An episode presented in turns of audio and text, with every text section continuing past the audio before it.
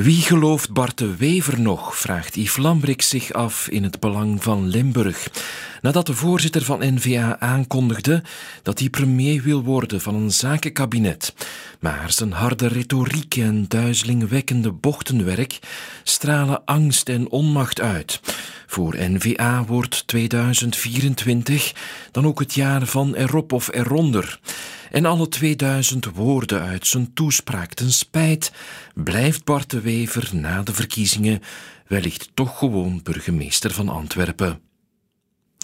N-VA-voorzitter Bart de Wever is kandidaat premier en PS-voorzitter Paul Magnet is ook kandidaat premier, stelt ook Arnoud Gijzels vast in het nieuwsblad.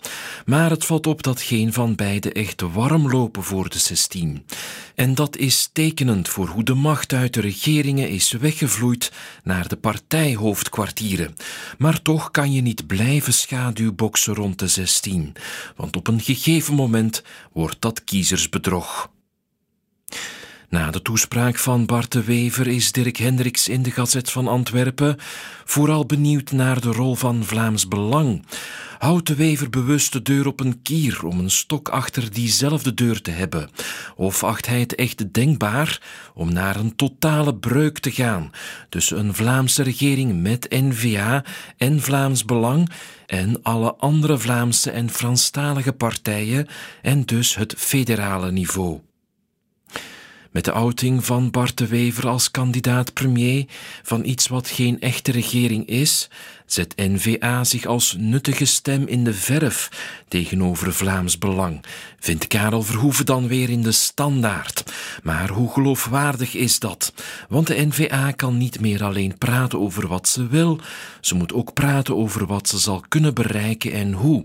En dan krijgt ook de NVA te kampen met de vraag waar het hele politieke centrum onder gebukt gaat, namelijk die naar geloofwaardigheid. Aan de gretigheid waarmee politici over elkaar heen buitelen om toch maar een beetje aandacht te krijgen, valt af te leiden dat de kiescampagne rond de 9 juni nu echt is losgebarsten, meent aan de Boek tot slot in de morgen. Maar alle ballonnetjes en sneren ten spijt blijft het intussen business as usual in de wedstraat, alsof de inzet van de verkiezingen nog niet helemaal is doorgedrongen daar.